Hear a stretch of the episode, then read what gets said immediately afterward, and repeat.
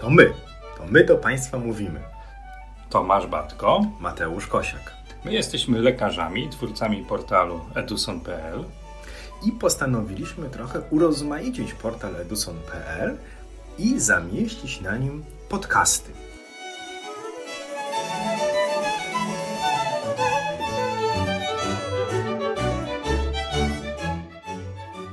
Dzień dobry. Dzień dobry.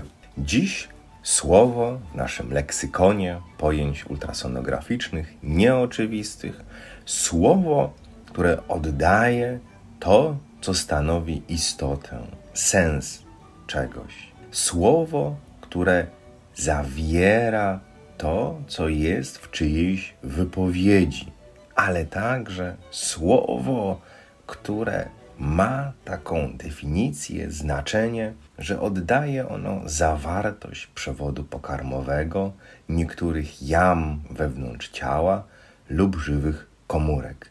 Tym słowem, o którym dzisiaj będziemy rozmawiali, jest Treść. Znowu słowo, które kryje w sobie polskość, nasz piękny język. Ta treść w badaniu ultrasonograficznym jest czymś, co ogniskuje wielokrotnie naszą uwagę. Oby było też tak z naszym podcastem, że jest w nim trochę treści, że nie będzie to podcast pusty, pozbawiony tej treści, treści ultrasonograficznej.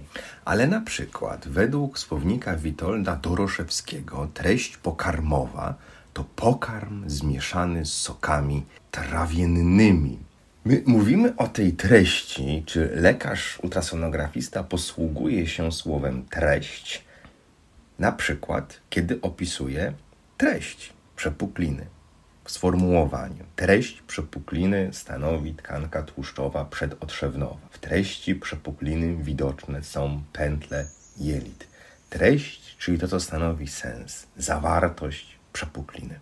Ta treść, którą opisujemy w badaniu USG, ta treść, na którą zwracamy uwagę, oceniając różne regiony ludzkiego ciała, może mieć kolosalne znaczenie dla podejmowanych przez nas decyzji klinicznych. Poczynając od takich banalnych elementów badania, banalnych oczywiście w cudzysłowie, nie z punktu widzenia pacjenta, jak treść zawarta w przewodzie pokarmowym, w świetle przewodu pokarmowego, to w tej treści może się kryć wiele schorzeń naszego pacjenta, ale w tej treści odzwierciedlającej obraz ultrasonograficzny, bo treść półpłynna i płynna u dziecka, które ma problemy z przybieraniem na wadze, które jest dzieckiem z niedoborem wagi, które wolniej rośnie, które oddaje liczne luźne stolce, będzie skłaniała nas do tego, zwłaszcza gdy widzimy żywą perystaltykę u pacjenta, który pozostaje na czczo, żeby skierować tego pacjenta celem dalszej diagnostyki w kierunku zespołu złego wchłaniania pod bardzo różnymi postaciami. A znowu treść, którą widzimy w końcowym odcinku jelita grubego, która powoduje cień akustyczny, brudny cień spowodowany gazem, zalegającymi masami kałowymi u dziecka, które zgłasza dolegliwości bólowe, u dziecka, które brudzi bieliznę, będzie skłaniała nas ku diagnostyce przyczyn zaparć. A zatem treść oceniamy także jakościowo. Nie tylko, czy ona jest, czy jej nie ma, ale co tę treść stanowi. Jest jeszcze jeden taki scenariusz użycia słowa treść, a mianowicie widoczny jest pasaż treści z żołądka do dwunastnicy. Ważna sprawa u pacjenta ulewającego, u pacjenta po operacjach jamy brzusznej, u pacjenta po operacji żołądka na przykład. Mówimy o tym, że pasaż tej treści jest widoczny. I tutaj dochodzimy do ważnej sprawy, bo niejako ta treść, jako sens czegoś, oddaje też sens ultrasonografii, a mianowicie badania w czasie rzeczywistym, badania tu i teraz, kiedy jesteśmy zobaczyć w stanie nie tylko tę treść, ale jej ruch, czyli to, jak organizm żyje, funkcjonuje ten pasaż. To jest bardzo ważna sprawa niekiedy o tym zapominamy.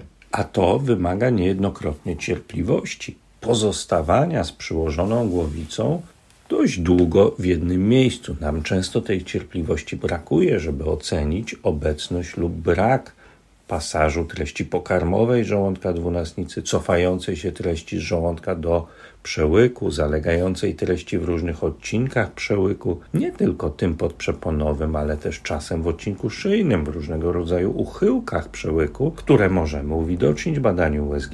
Ale też czasem ta treść sprawia, że widzimy pewne objawy mające nazwy ultrasonograficzne, jak objaw wirującej pralki, wtedy kiedy widzimy przelewającą się, wirującą treść półpłynną, płynną w przewodzie pokarmowej u pacjentów albo z zespołem zodowchłaniania, albo u pacjentów z niedrożnością mechaniczną we wczesnej fazie tej niedrożności, kiedy jeszcze przed miejscem niedrożności widzimy masywną, szybką perystaltykę, która próbuje przepchać treść pokarmową przez miejsce zwężenia. Ta treść ultrasonograficznie łączy się z przewodem pokarmowym, ale łączy się też z zagadnieniem przepuklin. No i jest jeszcze jedna treść, o której musimy porozmawiać, a mianowicie treść opisu badania ultrasonograficznego. Dlatego, że przesłałeś mi na przykład bardzo ciekawą treść badania, a będę parafrazował, uwidoczniłem wątrobę,